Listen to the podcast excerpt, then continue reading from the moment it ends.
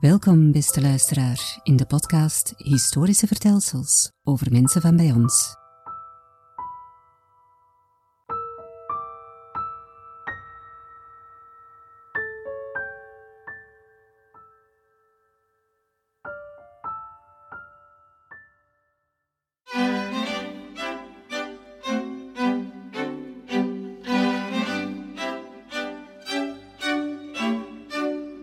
Van Ganzen en de Boerenkrijg van 1798.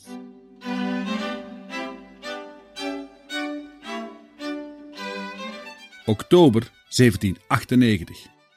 De opstand tegen de Franse bezetter was overal uitgebroken in de Verenigde Departementen.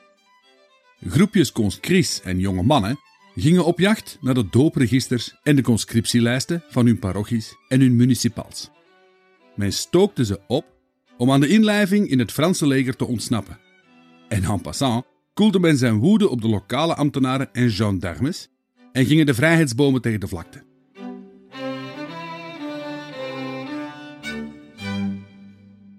Het directoire had al snel door dat het niet zomaar relletjes waren. Dus stuurden de directeurs troepen vanuit Noord-Frankrijk naar het Schelde- en Leien-departement. Daar werd het vuur in de verzetshaarden snel gedoofd door een hard en zeer repressief optreden van de Franse soldaten. Maar in het departement der Twee Neten, en dan vooral in de Antwerpse Kempen, daar hadden Joseph van Ganzen en zijn medestanders een heus brigantsleger gevormd, nog voordat het Franse leger tussen beiden kon komen. Geel en Mol waren in de handen van de opstandelingen, zoals ik u verteld heb in de vorige aflevering. En ook in Herentals en Turnhout zwaaiden ze eventjes de plak. Maar ook de Fransen zaten niet stil? Er werden troepen samengetrokken in de Bataafse Republiek. Een confrontatie was onvermijdelijk geworden.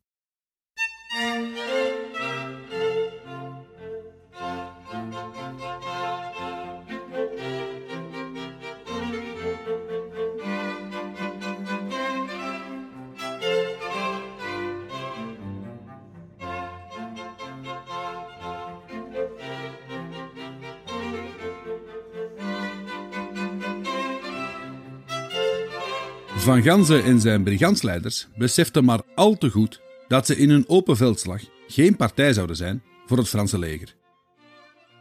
Net zoals tijdens de Brabantse omwenteling van tien jaar eerder, zouden ze proberen om de Fransen te bekampen in een soort van guerrilla-oorlog, waarbij men trachtte de sansculotten naar en in de steden en dorpen te lokken en ze daar te bekampen in huis-aan-huisgevechten, op kerkhoven, op de stadswallen, in de kleine ruimtes, laten we zeggen.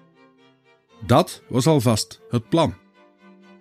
Van Ganzen wist ook wel dat als hij de opstand tot een succes wilde maken, hij de middelgrote steden nodig had als steunpunten, om de grote republikeinse bolwerken als Antwerpen, Brussel en andere te kunnen isoleren van de rest, om ze zo op termijn te kunnen innemen. Dus Turnhout, Herentals, Lier, Leuven, Diest, Hasselt. U zal ze allemaal de revue zien passeren in wat volgt. En om er toch enigszins een beetje lijn in te houden, focus ik me vooral op de plaatsen waar er ofwel een beslissend treffen is geweest tussen Brigants en de Fransen, of daar waar Van Ganzen ook effectief aanwezig was tijdens een militaire actie. Want vergeet niet, beste luisteraar, dat er eind oktober 1798 overal en bijna tegelijkertijd schermutselingen waren met groepjes opstandelingen. En wat deden de Fransen dan? Wel, een zekere generaal Collot had carte blanche gekregen vanuit Parijs. Zijn opdracht was simpel: het zuiveren van de Antwerpse Kempen en de vernietiging van het brigantsleger. Collot kondigde daarop onmiddellijk de staat van beleg af. Oproerkraaiers konden zich verwachten aan zware straffen en geldboetes. De lokale municipaliteiten zouden verantwoordelijk worden gesteld voor alle toegebrachte schade als de overheid kon bewijzen dat ze hulp hadden geboden aan de opstandelingen. Dit deed vele stedelingen en burgers wel twee keer nadenken vooraleer ze de brigands zouden steunen, zelfs al waren ze niet republikeins gezind. Twee grote legereenheden werden klaargemaakt. Eén kolonne zou uit Bergen op Zoom vertrekken in de richting van Antwerpen. Ze telde zo'n 750 infanteristen, 100 jagers te paard en twee kanonnen. Hun eerste doel was vooral de steenweg van Antwerpen naar Parijs vrijwaren. De legers in de Bataafse Republiek mochten immers niet worden afgesneden.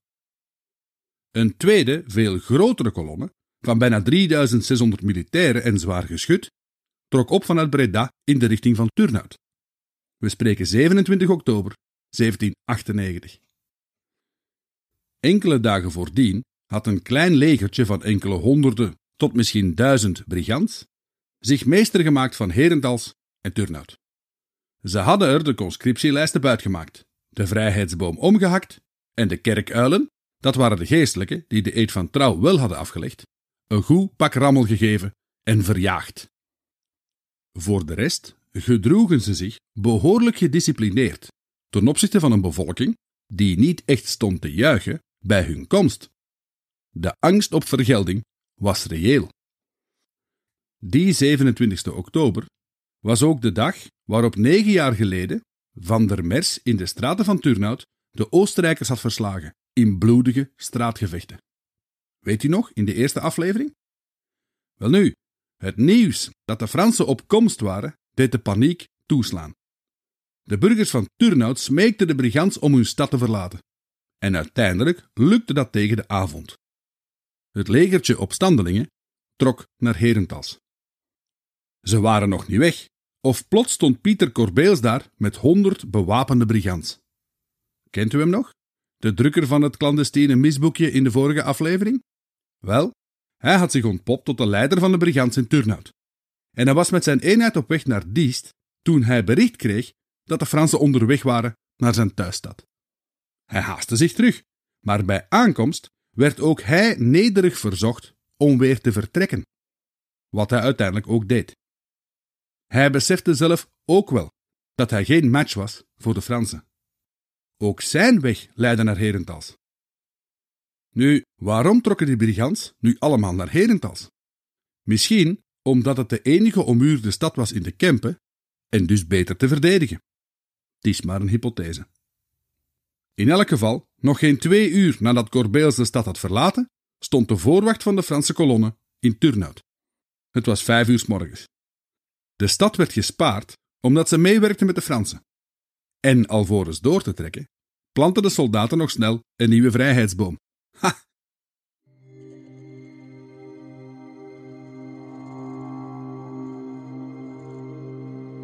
Corbeels kwam zeer vroeg in de ochtend van 28 oktober in Herentals aan.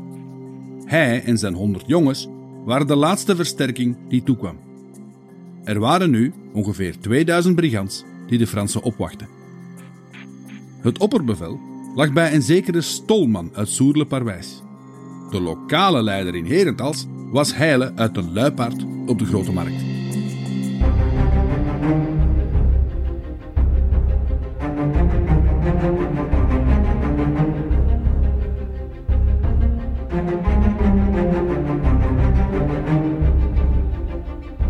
De Fransen naderden de stad vanuit Vorselaar.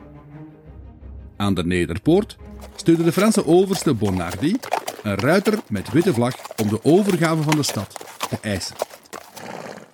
Brigands, écoutez! Rendez-vous ou vous serez détruits! Een brigand schoot hem dood.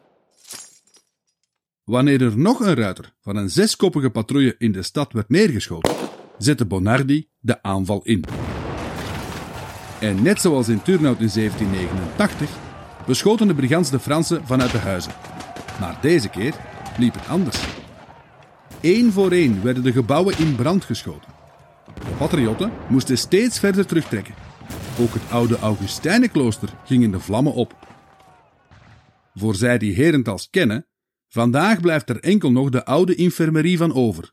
En die staat, what's in the name, aan de Augustijnenlaan.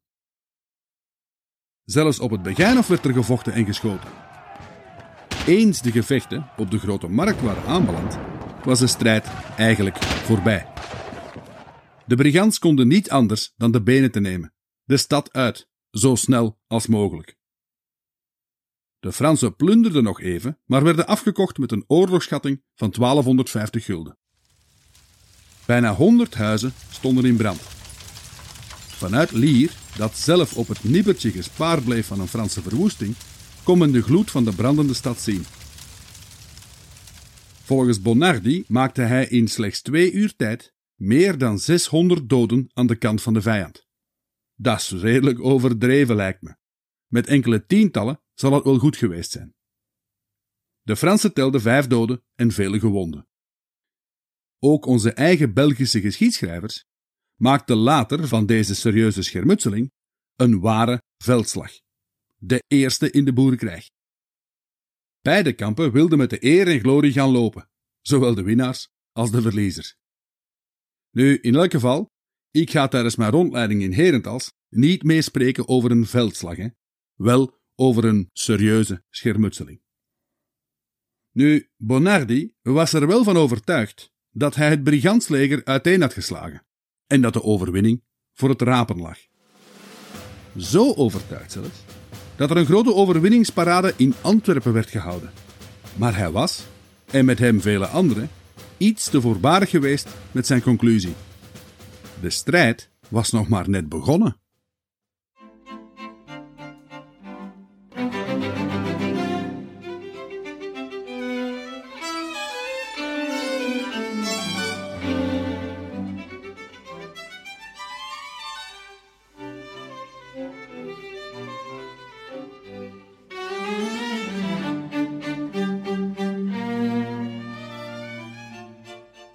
Heeft u daarnet goed geluisterd, beste luisteraar?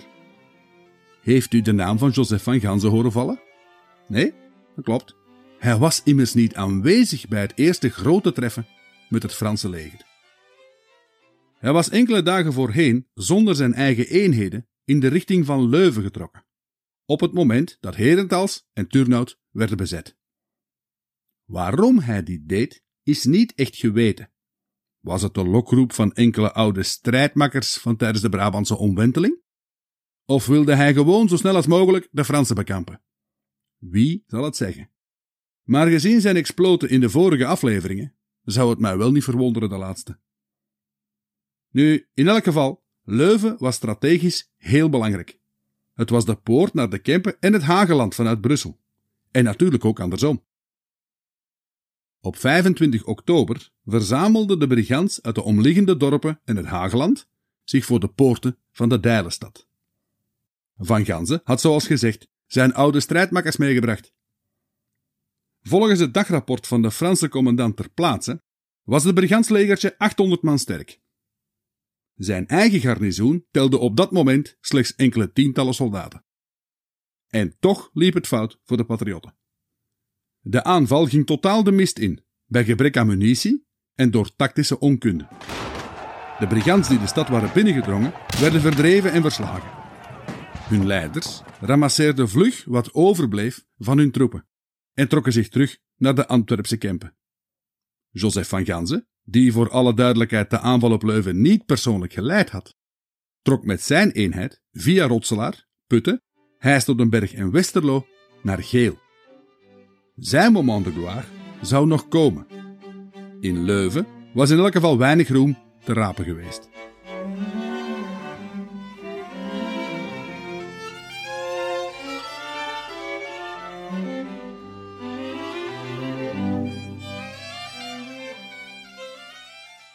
Vanaf begin november 1798 werd Geel en omstreken een beetje het verzamelpunt van de brigands na hun nederlagen in Leuven, Herentals en elders in de Verenigde Departementen.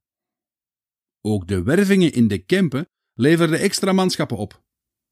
De Franse en lokale municipale agenten overdreven opnieuw hun aantal. U weet ondertussen waarom, beste luisteraar. Zij spreken van 5 à 6.000 tot wel 10.000 brigands, de meeste onder hen Kempenaars. Jan Goris, oud stadsarchivaris van Herentals, komt in zijn standaardwerk over de boerenkrijg aan een schatting van ongeveer 3 à 4.000 man. Dat is ongeveer zoveel als de 3700 die Van der Mersch destijds ter beschikking had om de Oostenrijkers te verslaan tijdens de Brabantse omwenteling. Al die manschappen werden ingekwartierd in Geel, Mol, Meerhout, Balen, Dessel, Reti, Olmen en Arendonk. Ook Westerlo en Tongerlo stonden onder controle van de brigands. En van 6 tot 7 november was Corbeels de onbetwiste leider in Turnhout. Het was net of er in die novemberdagen een soort soeverein gezag was ontstaan in de Kempen. En met een eigen nationaal leger dan nog wel. En Van Ganzen, Corbeels, Meulemans van Dijk en enkele anderen, zij traden naar voren als de onbetwiste leiders. Voor het zielenheil van de manschappen zorgden enkele aalmoezeniers. Dat waren oud-pastoors die ondergedoken waren, die nu dagelijks de missen lazen aan de jongens.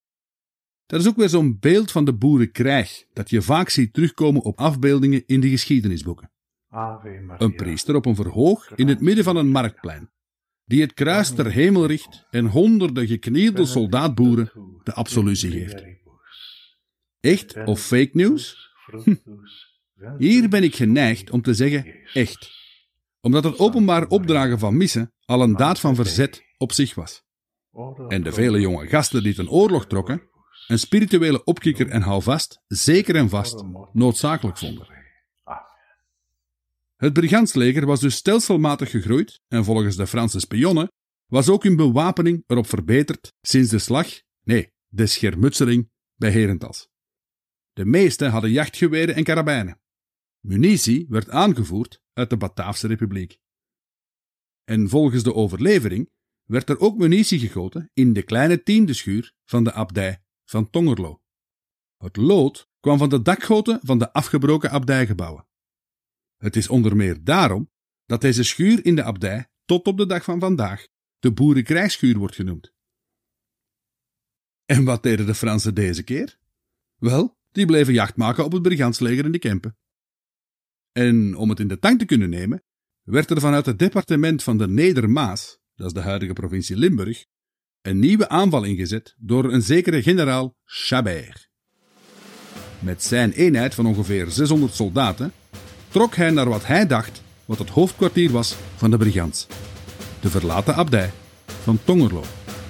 We zijn dan 4 november 1798. Van Ganzen is op de hoogte van de komst van Chabert. Hij laat alle jongens in de Kempen sommeren en laat een garnizoen van ongeveer 200 man achter in geel. Een dag later valt hij bij Meerhout de kolonne van Chabert aan, met minstens 3000 en misschien wel 4000 man. De brigantse numeriek zwaar in het voordeel. Chabert leidt een smadelijke nederlaag en de Fransen vluchten hals over kop weg. Hoe de veldslag, tussen aanhalingstekens, juist is verlopen, dat weten we niet. Want Chabert heeft er uiteraard geen verslag van gemaakt. Ah nee, want die moest vooral zijn eigen gezicht redden in Brussel bij zijn superieuren. Aan Franse zijde waren er zeker een tiental doden en enkele gevangenen. En volgens een oud boerenkrijglied was Chabert gewond geraakt en zelfs even krijgsgevangen genomen door de brigands. Een gewonde Franse officier getuigde na de strijd: C'est avec la plus grande tristesse que je vous annonce que les brigands nous ont forcés d'abandonner le 15 Brumaire en 7, le village de Mer-Haute, après nous avoir tué ou pris 12 ou 14 hussards ou grenadiers et 18 chevaux. Naast de doden en gewonden moest Chabert ook 18 paarden en zijn bagage achterlaten. En zo'n hoge officier, die had wel wat spullen bij op veldtocht. Psychologisch was deze overwinning van groot belang. Ze was super voor de moraal en de samenhorigheid in het leger van de opstandelingen.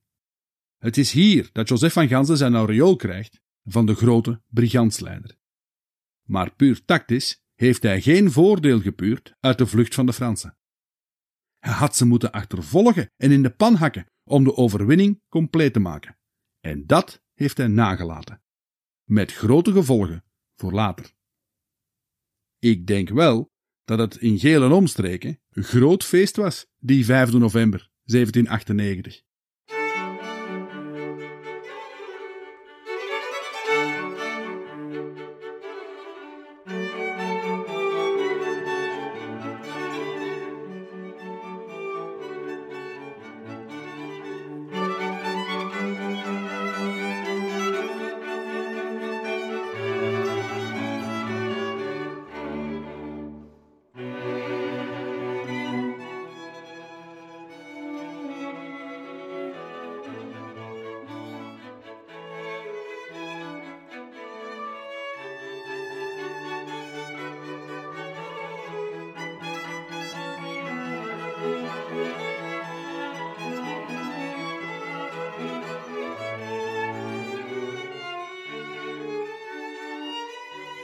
Nu, zoals te verwachten viel, kwam er al heel snel reactie vanuit Brussel.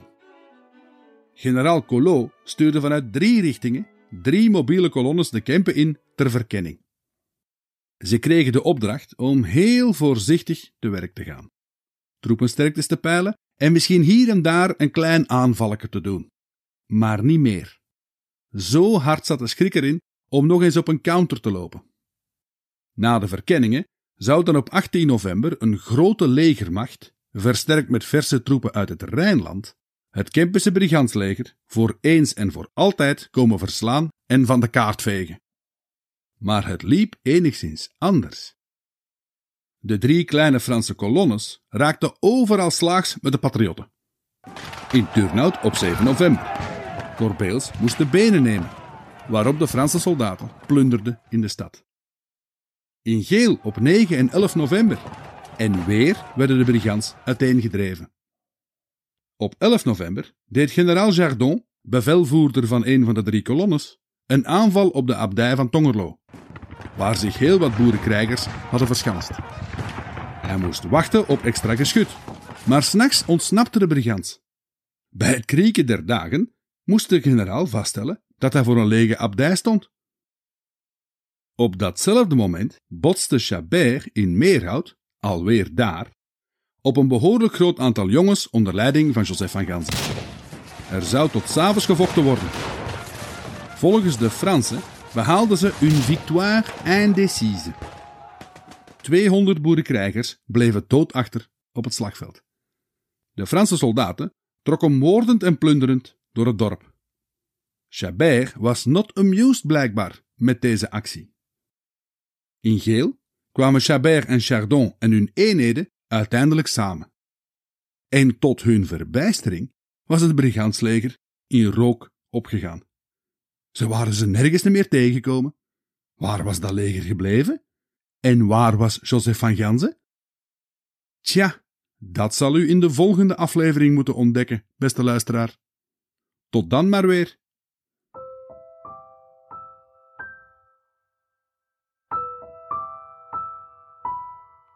Dit was een podcast, geschreven en verteld door Gids 53.